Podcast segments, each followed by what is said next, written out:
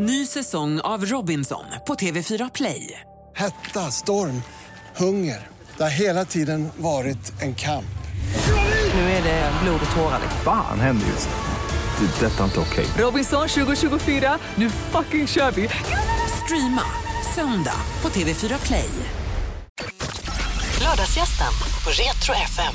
Ja, det är lördag förmiddag och eh, nu är det lite säsongspremiär och då tar man och bjuder in eh, drottningen över hälsorevolutionen, Maria Borelius. Hej. Eh, hej! Har du haft en eh, fin morgon? Fin Ja. start på dagen? Underbar morgon. Eh, det är väldigt varmt idag och ehm, jag har gått eh, ner till stranden och simmat i ett vatten, Östersjön, som var alldeles silkeslen. Ljuvligt. Alltså, Man får spara de här ögonblicken och ha med hela året. Vet du att du sedan en tid tillbaka också är gjuten vinterbadare? Ja, och grejen är med det att jag har ju varit en badfegis väldigt länge, men när man har varit då lite eh, coolare under vintern och gått ner även när det är kallt, så det här liksom när det är nu 22 grader som det var i morse, så är det bara, det är bara smooth sailing. smooth sailing. Men du, eh, eh, hur har sommaren varit för dig? Alltså, hur har, sommar, hur har våren varit för dig liksom, under en, så här, en liten galen pandemi som bara kom och dök upp? Ja, nej men jag tror att det här har varit svårförståeligt för så många av oss och skrämmande, eh, ögonöppnande, eh, chockerande. Och jag har tittat på det här naturligtvis eftersom jag är väldigt intresserad av låggradig inflammation och konstaterat att det har varit en viktig komponent i den här sjukdomen. Men jag hade ju en bok jag skulle göra klar och jag hade tänkt att sitta lite för mig själv, men så blev det ju inte. Nej, jag ju- satt och läste det sista kapitlet Ja. i, boken. Ja. Då är vi mitt inne i en pandemi och Skype-samtal. Och, Ja, på slutet då när jag skulle få ihop det sista med boken och tänkte att jag skulle få vara för mig själv, eh, så blev det ju inte så. Och så har man föreställda uppfattningar om hur livet ska vara och jag kan bara jobba när det ser ut så här. Och så var det inte alls så, utan det var massa människor omkring mig hela tiden. Och det satt och skreks i olika rum på Skype-samtal och Teams-samtal och någon var i någon karantän för den hade jobb i offentlig sektor och behövde hålla sig undan och sådär. Jag har en stor familj. Men då lärde jag mig att ja, men människan är anpassningsbar, eller hur? eller hur? Alltså, vi, vi har lärt oss på något sätt. Alltså, först lite så här panik, vad gör vi nu? Och sen, jag kände bara själv att skönt. Alltså, nu får man ju tid kanske att varva ner och ta, göra, ta det lite lugnare tempo. Saker och ting som bara gått i 190 liksom. Ja. Nej, men vi, det är klart att när livet ställs om och mycket saker som vi har tagit för självklara. Och eftersom jag är biolog och skriver böcker om hälsa så jag har ju tänkt på en sån sak som handtvättning. För att när jag var liten var ju det en väldigt viktig sak. Fortfarande man tvättade händerna före varje måltid och jag kommer ihåg min mormor, hon tvättade alltid händerna väldigt noga och ansiktet när hon har varit ute och handlat. Eh, och jag stod och tittade på det här och det har vi liksom tappat bort lite idag. För vi tycker det är så självklart att inte vi ska drabbas av något. Nej. Och nu har ju handtvätten, sjunga Blinka lilla stjärna två gånger, så man gör det riktigt länge, kommer tillbaka. Så vi får uppfinna massa, massa gamla grejer som kom också innan vi hade utvecklat mer avancerade mediciner. För det är ingen självklarhet att vi ska kunna skydda oss mot virus och bakterier. Vi har kanske varit lite väl skyddade perioder. Ibland tänker jag liksom det, framförallt när det gäller kosten och sånt. Då. Ja, Att, att det har varit så rent och eh, industriellt kliniskt så att när det väl kommer något litet så, så slår vi bakut. Ja, och vi har ju tappat många av de här gamla teknikerna och gamla kunskapen som kom med den industrialiserade maten. Och den kom ju förstås för att bespara människorna tid. Så det var liksom inte bara dåligt, men vi tappade mycket av den gamla kunskapen. Och jag tror att vi håller på att återupptäcka den nu. Jag har en eh, benbuljong till exempel i ugnen just nu. Och det var en teknik att koka soppa på märgben och sådär som man gjorde förr i världen. Och det visar sig ju vara de här märgbenen oerhört näringsrika, innehåller hormoner som man vet påverkar sockerreglering, insulinkänslighet i kroppen. Min mormor och farmor kokade soppa på märgben. Det gjorde man säkert i Och det din smakar familj. ju så fantastiskt. Vilka, vilka soppor. Alltså, Ja, men det blir ju en helt annan, liksom ett helt annat, en helt annan botten i en Mm. sån soppa, eller hur? Fantastiskt. Du, alltså jag tänker eftersom det är lite terminspremiär med lördagsgästen tänkte jag att du får vara lite gäst-DJ eh, Maria Borelius. Alltså, om man ska lyssna på någonting och så här lite En gammal goding? En gammal goding, ja, men, ja, men då tänkte jag att vi skulle kunna börja med en gammal fransk goding faktiskt, för att få lite den här sköna franska vibben. Åh, Ja, eh, och då tänker jag på eh, låten France Gall som sjunger Ella, hon har det. just det. Och Hyllning till Ella Fitzgerald dessutom. Är det det? Det är det. Ännu bättre. Ska vi ta och lyssna? Ja.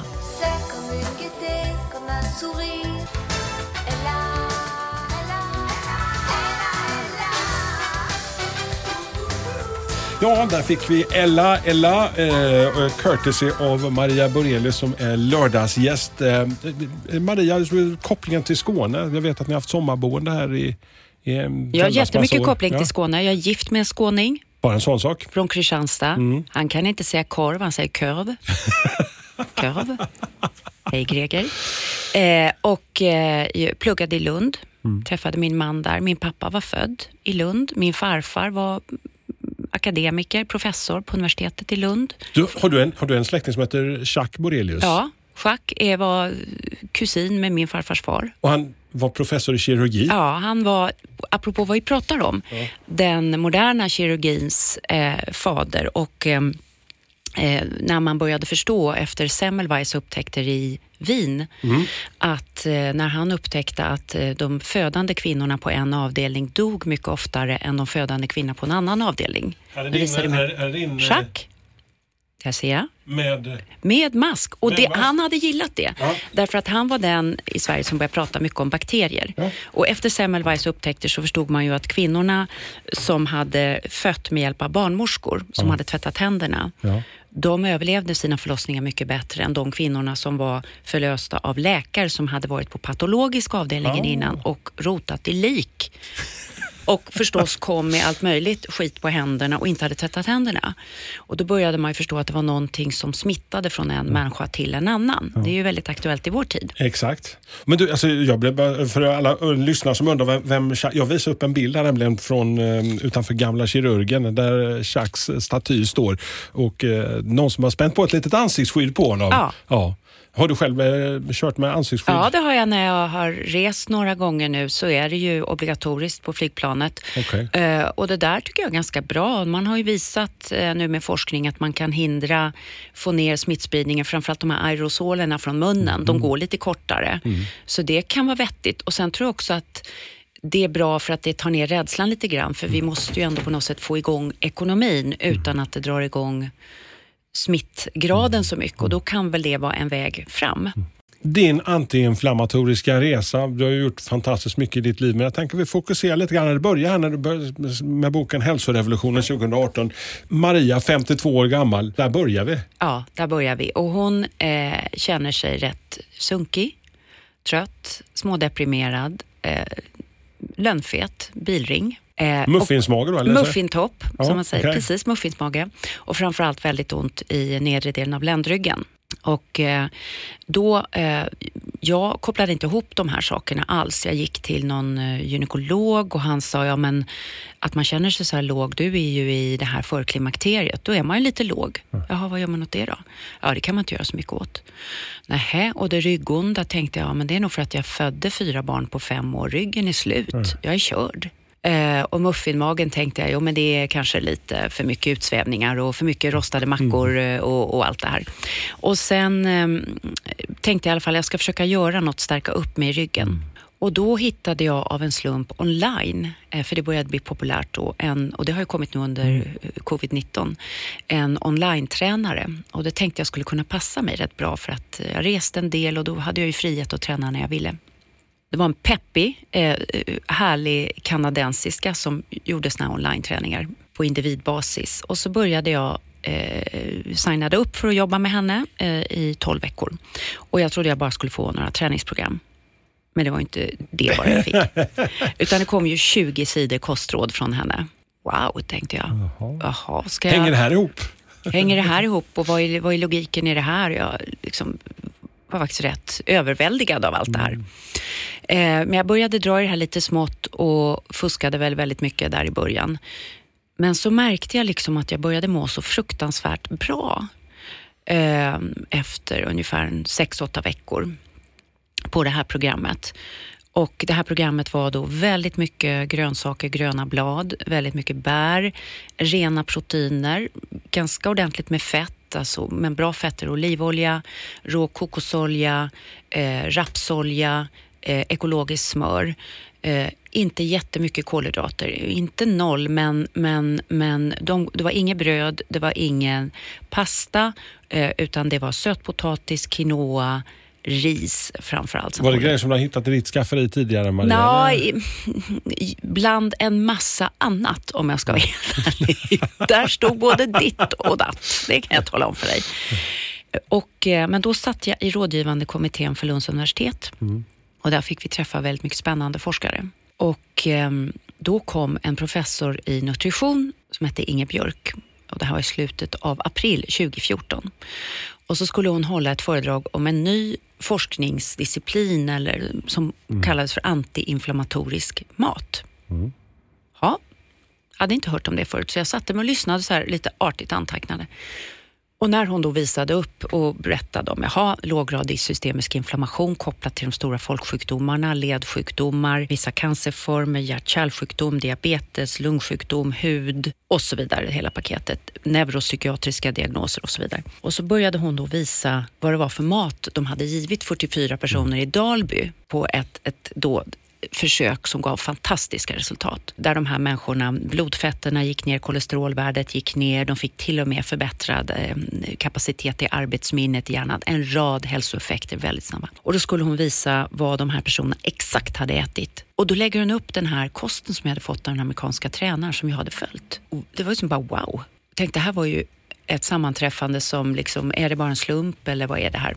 Jag gick fram till den här forskaren och sa, du vet, jag, jag äter faktiskt här sedan några månader och jag mår väldigt bra av det. Jag har, min rygg är bra och min muffintopp har smält bort och jag känner mig väldigt glad och, och huden har blivit annorlunda och sådär. Och då så tittade hon på mig och skrattade och sa, nej men det är ingen som lever så här. Det här är ju bara ett experiment. Och så gick jag hem och mejlade min tränare i Kanada och bara skrev Rita, det har ju ett namn allt det här du håller på med. Det är antiinflammatorisk mat. Och där började min nyfikenhet.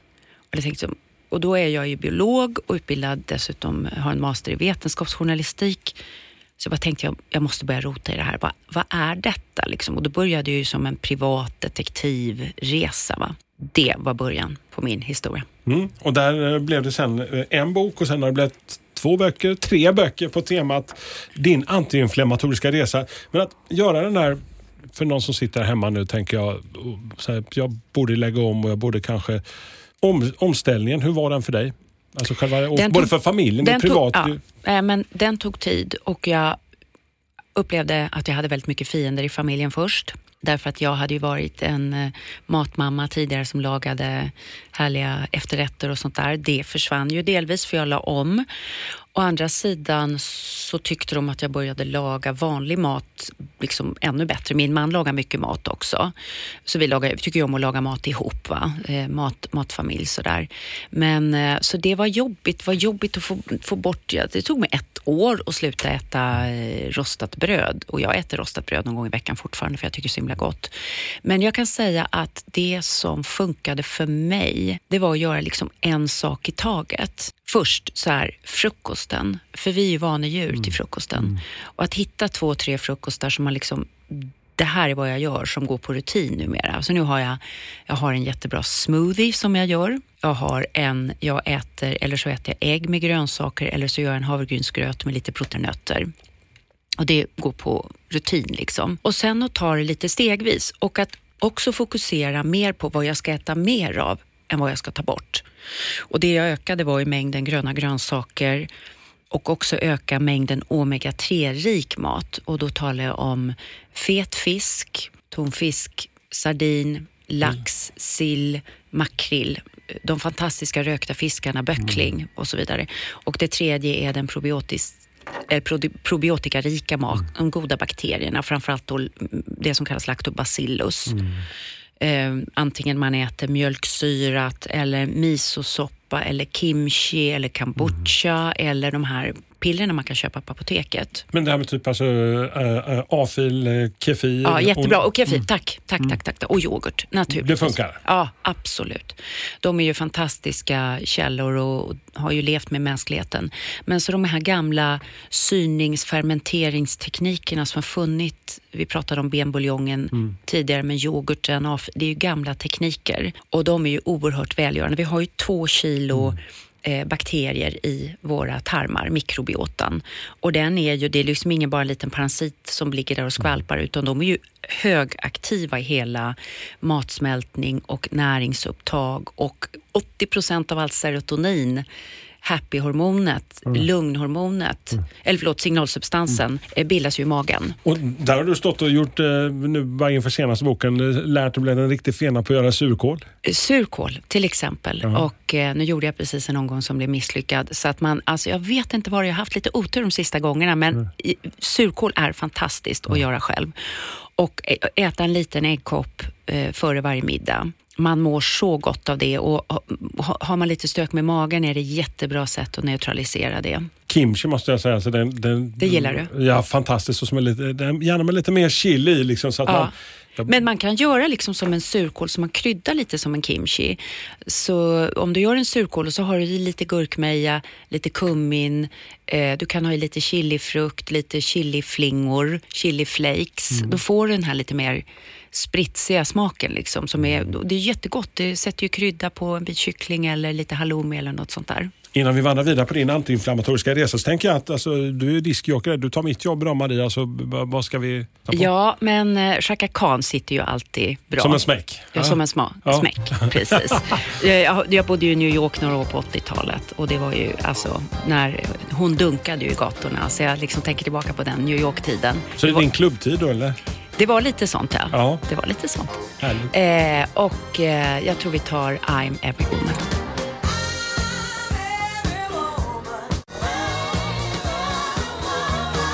Ja, Chaka Khan där. I'm every woman. Det här är Retro FM lördagsgästen Maria Borelius som vi är ute och reser tillsammans här på en antiinflammatorisk resa.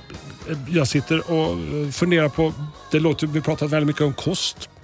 Men det är inte bara kosten för att häva alla de här små lågintensiva inflammationerna som vi har i kroppen. Det finns fler saker man kan göra. Ja, och det här har ju varit det som har förundrat mig, apropå min senaste bok. Då. Men, Ja. men att upptäcka att det är så många saker och mycket av de saker som vi tycker är hälsosamma verkar just genom att sänka låggradig inflammation, som ju är kopplat till så många, ja, våra stora folkdödare. För övrigt noterar jag att 40 procent av alla som har avlidit i covid-19 har dött av hyperinflammation, överdriven inflammation. Det finns ju ingen exakt forskning ännu på de sambanden, men jag, jag tycker ganska Man kan fundera på det lite. ja. fundera på lite vad, vad det innebär. Men eh, ja, motion är ju jättebra sätt att sänka inflammation. Funkar tre olika mekanismer. Det finns, dels finns det liksom en egen väg att direkt sänka inflammationen. Sen bränner det det här viscerala fettet. Den lilla muffintoppen som ju är, driver inflammation och sen den tredje att det ökar insulinkänsligheten i muskulaturen. Så att man kan säga att musklerna, ja man ska väldigt enkelt, dammsuger eh, upp sockret i, i blodet och tar upp det som näring och det är bra för att sänka den låggradiga inflammationen. Var du en träningsperson innan när du har liksom gett in på den här resan? Ja, men jag var ju en väldigt tung Jane Fonda-instruktör i 20-årsåldern. Jag var ju en av de första i Sverige som körde Jane Fonda. Och eh, eh, vi, vi körde ju som galningar och jag drev en liten workout i Lund när jag eh, pluggade där och körde väldigt, väldigt mycket och hade väldigt kul med det. Och så blev jag mamma och kroppen ändrades så tappade jag bort mig lite grann och, och sen var, höll jag på att fiddla runt mest. Men nu sen jag började med det här, nu tränar jag fem, sex dagar i veckan. Det. Det, det är liksom en eh, lite naturlig del av din, som du berättade. Ja, om det att du, blivit- du var på simma nu innan du kom hit idag till Ja, exempel. nej men att jag försöker göra något varje dag och jag tycker det är väldigt skönt i alla fall komma igång med något. Om det är 20 minuter eller en timme, det får ju vara vad man hinner den dagen så att säga. Jag, jag tror många kan känna igen sig just det här så att, att, att man tappar bort sig där. För jag känner själv under de här småbarnsåren. Ja. Så, var, var det plötsligt så att, ah, men du vet att jag hinner inte ställa så, så mycket som jag skulle. Och, vet, barnen, alltså, de kommer ju först och så sen när man väl jobb- får tid så landar Barn, man jobb och sen Ja. är man trött, liksom, eller hur? Mm. konstant eh, här, gröt över skallen. Liksom. Ja, Så ja och, och, och, och dålig ork och allting. Så att, eh, och allting har väl sin tid och plats i livet lite grann. Men eh, nej, jag, jag springer, jag, och- men jag tycker mycket om att gå på gym och lyfta tyngder. Alltså inte gå på grupp, utan jag lyfter. Okej. Jag lyfter. Ny säsong av Robinson på TV4 Play. Hetta, storm, hunger. Det har hela tiden varit en kamp. Nu är det blod och tårar. liksom. Fan händer just nu. Det. är Detta är inte okej. Robinson 2024, nu fucking kör vi! Streama söndag på TV4 Play. Ett poddtips från Podplay. I podden Något Kaiko garanterar östgötarna Brutti och jag, Davva, dig en stor dos skratt. Där följer jag pladask för köttätandet igen. Man är lite som en jävla vampyr. Man har fått lite blodsmak och då måste man ha mer. Udda spaningar, fängslande anekdoter och en och annan arg rant. Jag måste ha mitt kaffe på morgonen för annars är jag ingen trevlig människa. Då är du ingen trevlig människa, punkt. Något Kaiko, hör du på Podplay. Därför är gardinerna. Du, eh, Förundran, sista boken här. Ja. Alltså, vad är förundran för någonting egentligen? Alltså för dig? Förundran kommer av det engelska ordet å, A-W-E. Och det är den stora känsla av öppenhet, magi, ja, storslagenhet som vi får inom oss när vi möter fantastisk natur, när vi hör på musik som öppnar våra sinnen, när vi ser på stor konst som både ja, som slår oss liksom med, gud, här finns någon ny verklighet. Va? vid andlighet, eh, när vi gör gott för andra människor, men också om vi går och hejar på vårt lag vid stora, stora idrottsevenemang. Ja, den tog jag fasta på i boken. Ja, alltså. ja, vad är ditt lag? MFF såklart. MFF. Ja. Nej, men om man är MFF-are och får gå på match med home team, det ger förundran för dig antar jag. Ja, men alltså det är, en, det är en, både en gemenskap, det bara kryllar, så det är, det, det är större än laget liksom på något sätt. Du, du, men du beskriver väldigt bra. För en av dem, den, nu visar det sig att förundran är kopplad till en rad både medicinska och psykologiska effekter. En av dem är sänkning av inflammationsmarkörer. Det är så? Finns en liten kompis som heter IL-6, interleukin 6, som man kan mäta direkt i saliven som reagerar väldigt fort och den sänks när man är förundrad. Och där vill vi vara. Eh, men man kan också se effekter i hjärnan så att hjärnan switchar om, skulle man kunna säga, från jaget till laget. Och det var ju just Åh, det du... precis. Precis. Eh, och det gör att vi känner en starkare band Mm, till andra människor. Vi får en annan tidsuppfattning. Vi blir lugnare. Vi kan lyssna på andras argument bättre efter förundran. Mm. Så man har gjort experiment där man har tagit ut ett gäng människor som hade helt olika åsikter om svåra frågor som, det här var i USA, dödsstraff, brott och straff, eh, invandringsfrågor, det här som i vanliga Mm. fall kan skapa väldigt mycket laddning. Och så lät man dem vara ute bland redwood-träd, du vet de här jättehöga. Och så Mm. Just fick med- på, i norra Kalifornien. Ja, norra Kalifornien och de stod och kramade de här träden ihop. Och sen fick de efter det diskutera de här frågorna och då kunde man se att det fanns en ökad ansträngning i den här gruppen att inte bara tänka du är ond för du tycker annorlunda än jag, utan liksom Jaha, du har kommit dit. Vad ligger bakom det? Och Det här tycker jag är så spännande i vår tid för att vi har ju ibland en väldigt hetsk debatt där vi anklagar varandra för att vara dåliga människor om vi tycker X eller Y. Och eh, man bryter liksom inga dödlägen med det utan man måste ju försöka komma från en inställning att andra vill väl också fast de kanske har kommit till en annan ståndpunkt än jag själv och den kan vara helt motsatt min men jag måste ändå lita på liksom att du vill väl, liksom jag vill väl. Eh, och det lyssnandet tror jag vi behöver mer av i vår tid. Mindre polarisering och ökat lyssnande. Och förundran kan vara en... Så du har både hälsoeffekten och du har laget är större än jaget-effekten. Så, och båda de här effekterna är ju högaktuella i vår tid. Så den här boken är en... För det här var då en kapit, ett kapitel i hälsorevolutionen när jag upptäckte det här. Och nu har jag gjort en detektivresa i förundranslandskapet. Förundransforskning. Alltså jag, Ja. alltså jag sitter Det här är etablerad forskning. Precis, jag Ja. blev fascinerad när jag sitter och så här konstaterar att du har Ja. träffat alla de ledande Ja, inom, inom, det här området. Ja. De är ju i, i USA och Kanada framför allt. Så det är ett antal centra. Det är University of Berkeley borta i San Francisco. På University Toronto. Det finns en del på Stanford. Det finns en ledande forskare vid New York University också. Och eh, där tar man det här väldigt allvarligt på samma sätt som man kan säga hundra år har vi hållit på att titta på hur negativa känslor sänker vår hälsa.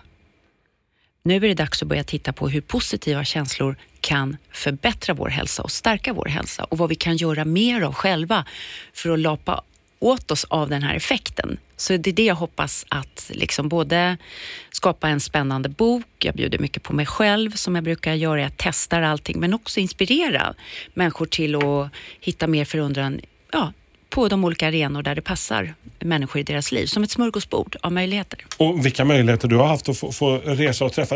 Jag, vi är på pilgrimsvandring. Ja. Eh, den klassiska. Jag har gått eh, precis och eh, det här började ju, så jag berättar om det här i boken, det här började ju på en tjejmiddag och efter några glas vin blir man ju väldigt modig.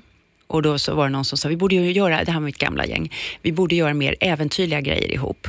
Eh, klättra berg eller du vet klättra på någon sån här klättervägg och så vidare. Nej, vi ska pilgrimsvandra. Och så skulle vi göra det och någon fick ont i tån och någon blev sjuk tyvärr och så vidare.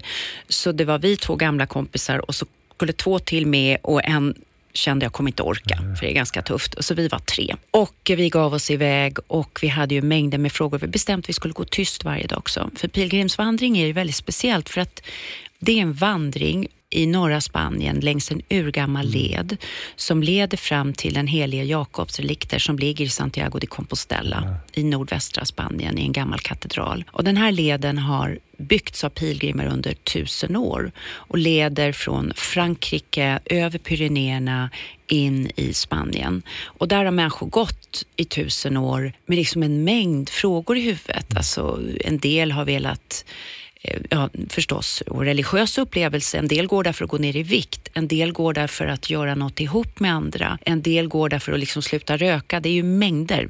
Och det märkte jag ju också. Vi bestämde oss då att vi skulle gå en del av den här, för ska man gå hela tar det, det tar flera månader.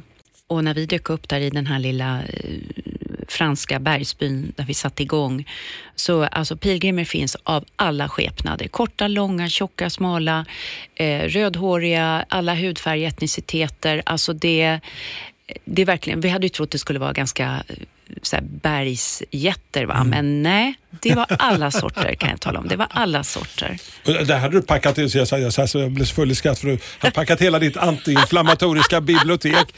Där kommer man alla andra. Jag kände igen mig själv så här, så jag, bäst att packa något lite extra så. Alltså jag packade så dåligt. Alltså det var jättegenant. Jag tänkte liksom jag skulle vara så jäkla smart och tog med mig alla mina antiinflammatoriska grejer och det var olika råa eh, kokosoljor och speciella manuka-honungar och proteinpulver och jag hade med en hårfön. Jag tänkte man får ju vara lite snygg i håret också. Såklart. Såklart. Eh, och sen kommer jag ner då dit och träffar mina andra två kompisar och en av dem hon är en hårdvandrare alltså, och hon bara tittade på det där och sa Maria, det här går inte, du kommer inte orka bära allt det här. Som tur var hittade vi då att det finns någon sån här mm, transportkedja som kör packning, för det är så många pilgrimer mellan de olika anhalterna. Men det hela slutade mer eller mindre att jag fick gå med mina gympadojor och en guldväska över Pyrenéerna. Eh, det kan bli så tokigt ibland i livet. Ja. Du hann, hann uppleva förundran på lite olika plan under, Ja. under Ja, researchen till den här ja, boken. det har jag gjort. Så jag har ju utsatt mig för, eh, för dels att ta del av all den här nya forskningen och jag har lärt mig att gå för undranspromenader som är en speciell teknik då för att koppla väldigt nära naturen. Och där man ger sig ut och förankrar sig själv i andningen, ungefär som i yoga. Och sen letar eh, med ögonen efter annorlunda former i naturen, efter det storslagna, eh, öppnande och stannar upp och tittar på dem. Och kring det här kan man använda en teknik då, en mindfulness-teknik, att man bestämmer sig för att titta på naturen åt de döda. Så man har döda människor i sin familj. Jag har min mamma, min pappa, min bror. Liksom jag tittar åt dem. Så liksom, då blir det ju stort att jag tittar. För jag, liksom, har de- deras ögon med dig. med deras ögon, liksom att få njuta av allt det här vackra. Och det är en underbar teknik för att verkligen öppna sig för allt fantastiskt som finns i naturen. Så det skriver jag om i boken. Och så har jag ju vinterbadandet som har kommit väldigt starkt. Eh, som är eh, Wim Hof, den här holländaren som håller på med det. Eh, speciell andningsteknik och har starka hälsoeffekter och är ju förundranshöjande. Jag har massa andliga tekniker också. Ja, ett, andl- ett andligt gym. Ja, ett andligt gym. För min tanke är så här, att när man pratar om det här med andlighet så finns det ju många i Sverige idag som säger, "Men- jag har ingen andlighet. Fine. Men det är ungefär som att säga, man sitter på, på rumpan och säger, jag har ingen kondition. Nej, men hur kan man få kondis då? Ja, då får man göra lite saker. Och eh, vad man gör, det kan ju vara väldigt olika. En del springer, en del cyklar, en del simmar, en del eh, åker skidor. Eh, och på samma sätt tänker jag att i vår oandliga tid som har blivit väldigt materialistisk, att pröva på att ha lite andliga tekniker. Eh, är det i naturen? Är det läsa saker? Är det att gå på andakt? Är det att meditera? Eh, är det att eh, tala med andra människor om andlighet. Jag ger en rad exempel. Och så på samma sätt som varje människa, som jag tränar på mitt sätt, du tränar på ditt sätt, så kan man hitta sin andliga teknik. Men att som indierna gör, säga till sig själv att jag har ett andligt rum. De säger ju att en människa har fyra rum. Eh, jag har jobbat mycket i Indien och ehm, det är spännande att tänka. De säger ju att en människa har ett fysiskt, ett mentalt, ett andligt eh, och ett känslomässigt rum. Och att som ett litet hus man har inom sig och att varje dag blir bra så man får gå in i alla sina fyra rum. Så det mentala när man jobbar, man tänker, man planerar. Det fysiska när man rör på sig, antingen man har fysiskt arbete eller motion går till jobbet. Det känslomässiga, men det gör alla våra relationer, vår familj, arbetskollegor. Och det andliga, som också är ett rum. Och vad, vad gör jag där inne i det rummet? Jag har min kristna tro, men förundranseffekten är inte kopplad till bara kristendomen, utan den är andlig upplevelse oavsett religion. Och, och sen finns det andra saker också som jag tycker är spännande, till exempel att eh, Eh, hur man äter är också, visar sig också kopplat till de här grejerna. Så att, att äta mycket grönsaker är, har effekter som liknar förundranseffekterna, de här fem till sju portionerna om dagen. Det är väldigt mycket grönsaker, men det visar sig att det ökar kreativitet, ökar förmåga att känna mening med sitt liv, förmåga att blicka framåt med sitt liv, självkänsla och så vidare. Så jag ger exempel på hur man kan få upp mängden grönsaker. Till exempel börja äta lite grönsaker till frukost varje dag. Ta en näve spenat eller göra några frästa grönsaker till lite ägg eller något sånt där. Och den lilla naturrutan, den fastnade Ja. jag för. Så din, Ja, från din, din gamla skollärare Ja. som hade gett dig en... Ja. ja, men det var ju bara, hon bara la upp några rep mellan några träd och så var det en liten ruta som man tittar på varje dag. Och jag använder det nu, liksom att, att gå i samma natur varje dag och liksom titta, men ha, nu har vitsipporna kommit hit, jaha, nu gulnar löven här. Att liksom titta på året i den rutan och den kan man ju ha flera. Man kanske har en hemma, man kanske har en vid jobbet, man kanske har om man har någonstans man åker på sommaren, ett sommarställe. Eh, även om man är ute och reser kan man hitta, jag hittade till exempel när jag var förra hösten i New York så har de byggt på en gammal järnvägsbana som går mitt i staden mellan höghusen. Så har de byggt som om det skulle komma liksom en park som växte upp efter en gammal järnväg. Och det heter High Line. Det är helt fantastiskt. Så det går ungefär tio våningar upp från marken mellan husen. Så det är din naturruta i New York? Ja, eller? men det är liksom, och, och det är intressant att se, för det här har den här bullrande storstaden. Människorna går ju helt tysta där. Du vet, där går såna här superbrutala skinheads helt tysta. Alla njuter av de här växterna. Eh, rallarrosen som växer fram liksom mellan den övergivna rostiga rälserna. Alltså det är så fint. Så det kan vara en stadspark, det kan vara där barn man är och leker med barn eller barnbarn. Alltså det kan ju vara vad som helst. Men just att följa genom året. Och jag tänker på det nu i augusti när allting prunkar. Att allt det här har legat begravt. Eller liksom under jorden eller in, mm indraget i liksom grenarna på träden och så bara kommer allt nu. Och det, det är ju ett mirakel. Och sen kan man ju också passa på så här eh, när den, nya terminen och man ska göra, inte bara på nyår, dopaminfasta. Alltså Precis. Den, den blir jag lite så här bara så, åh, hur Ja. ska jag klara detta? Den är radikal. Ja. Och det är ju då en teknik som jag har då varit och träffat eh, folk i Silicon Valley. Eh, Och då är det ju så att väldigt många av de som håller på med tech är ju väldigt kritiska till utvecklingen och de vet hur de här 10 000 ingenjörerna som är experter på det man kan kalla beteendetekniker som handlar om att du och jag ska bli så beroende av våra telefoner så vi sitter och knappar hela tiden. Därför det drar igång våra lustcentrum och hjärnan. De vet precis hur de ska trycka på belöningscentrum i hjärnan så att vi sitter och vi är fast. Ungefär som ett sockerberoende. Va? Eh, och eh, därför är det också där först de har börjat, de håller själva på med tekniker för att avgifta sig. Därför de, de Detoxa vet, helt enkelt. Detoxa sig Ja, själva. ja. Eh, och dopaminfastan är ett lite missvisande namn för att vi behöver dopamin. Eh, men det är i alla fall en fasta som under en dag drar ner på allt som kan ge kickar. Och poängen med det är att uppleva kickarna starkare efteråt. Ungefär som att när vi inte får äta på tre dagar så är det ju, om vi är sjuka till exempel och bara dricker, så är det ju fantastiskt att komma igång och äta mat. Och att man kan uppleva saker rikare och starkare. Så dopaminfastan konkret går ut på, den så här radikalvarianten är att man egentligen bara dricker vatten och eh, promenerar och för en liten journal under en, en dag. Inte äter någon mat, man kan dricka lite te också.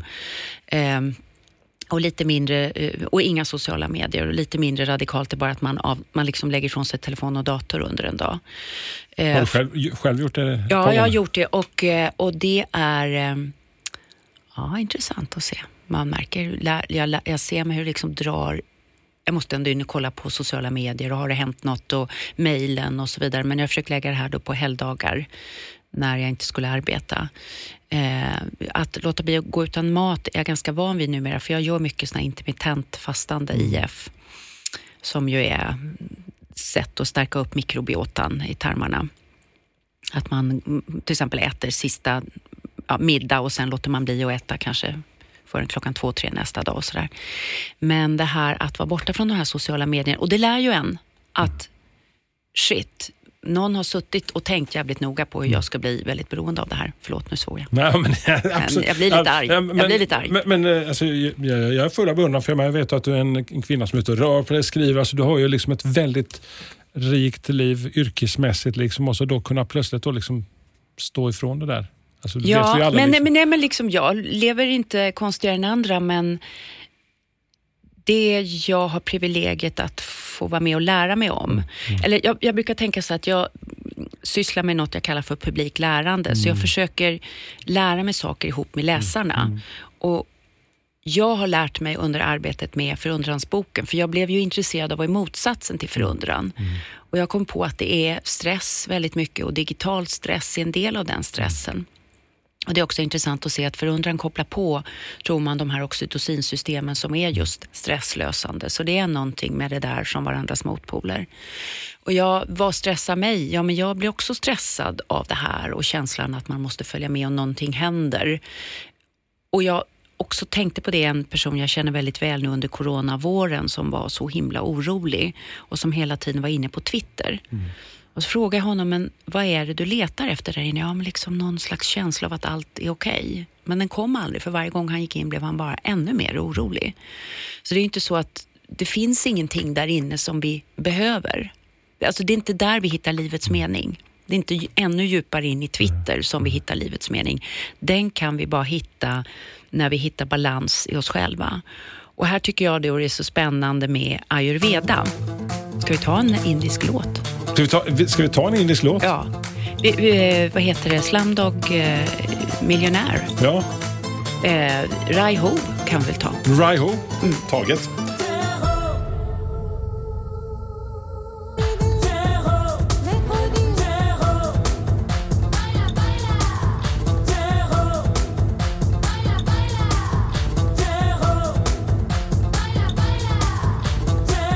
Ja, där fick vi lite Bollywood. Kom till eh, Retro FM också. Eh, Maria Borelius, lördagsgäst här. Vi pratar om förundran. Man kan hitta den på många olika sätt. Vi har lärt oss eh, dopamin...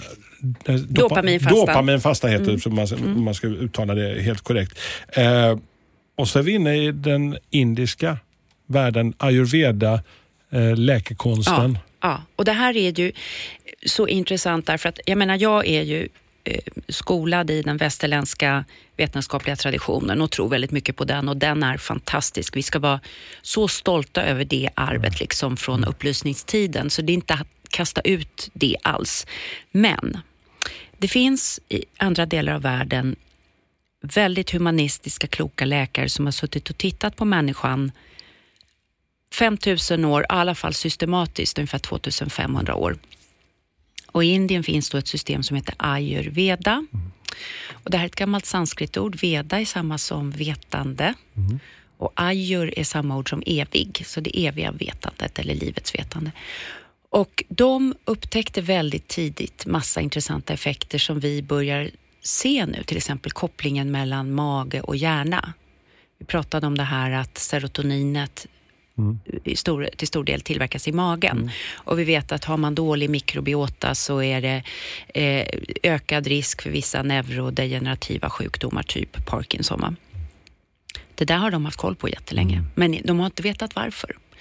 De har ju också haft koll på det här med det förundrade sinnet. De pratar om något som heter sattva-sinnet, det upphöjda, balanserade, ljusa sinnet som du får om du äter bra, motionerar bra, yogar. De kallar att man ska vara nära Gud, det gudomliga.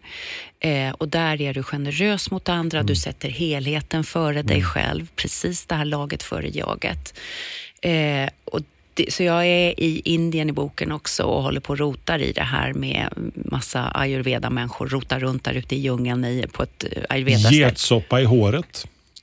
bara det. Det får man om man sover dåligt i ayurveda. Ingen kan förklara varför i ayurveda. Därför blir man ju lite tokig om man är, kommer från det västerländska. Man säger, varför är det bra med getsoppa i håret? Jo, men det är bra. Man sover bra av det. Och man sover bra av det. Jag sov jättebra av det. Okej. Har du provat det sen du kom hem sen? Eller? Nej, jag har inte gjort det. Sen finns det ju mycket andra grejer där som är lite... Alltså, när de ska göra de här behandlingarna så sjunger de olika sånger till alla säger man hinduistiska eller hinduiska Mm. Gudar? Hinduiska gudar kanske? Hinduiska gudar. Ja, alla gudar i hinduismen. Och då är det ju inte alla gudar där man gillar. Kali till exempel. Nej. Dödsguden. Lite läskig så. Ganska vi, har sett, vi har sett Indiana Jones ju. Ja, till exempel. Det vet jag inte om Kali har med det här att göra, men i alla fall. Jag försökte vara öppen. Eh, och så det tycker jag är lite spännande att utan att man behöver köpa exakt allt de säger, att titta på saker de har funderat över för länge sedan och fundera. Alltså om jag hade varit västerländskt läkemedelsbolag, då hade jag åkt ner till Indien och så hade jag sagt så här till ayurveda, kan inte ni berätta om era topp 10 eh, örtmediciner som ni använder, som ni verkligen vet brukar funka.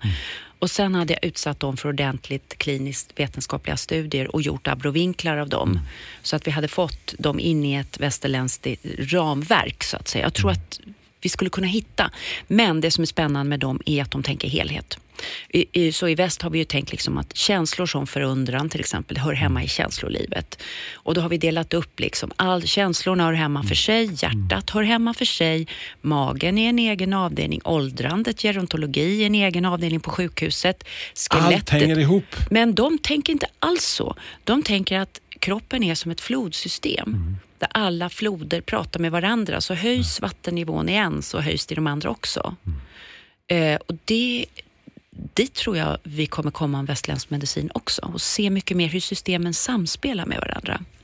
Det låter ju som att det finns eh, material till en bok till, Maria, efter förundran. Det- det- Fi- Finns, finns det plan på en till? Det finns plan på, på ett antal böcker till, ja. Det gör det. Men du, alltså, då tänker jag att sist innan vi skiljs åt här och jag skickar ut dig för ännu kanske ett eh, litet eh, simtur i Östersjön. Alltså någon låt som fortfarande betyder något för dig som är lite sådär som ah, Marias låt. Ja, och jag ska nog ta en låt av Chic som är en sån här, det här är min ungdom. Gud vad jag har dansat till den här I want your love. Den älskar jag. Fantastiska. Ja. Tack för att du kom. Tack. Namaste. Namaste. Lördagsgästen på Retro FM. Ny säsong av Robinson på TV4 Play. Hetta, storm, hunger. Det har hela tiden varit en kamp. Nu är det blod och tårar. liksom. Fan händer just nu. Det. är Detta är inte okej. Robinson 2024, nu fucking kör vi! Streama söndag på TV4 Play.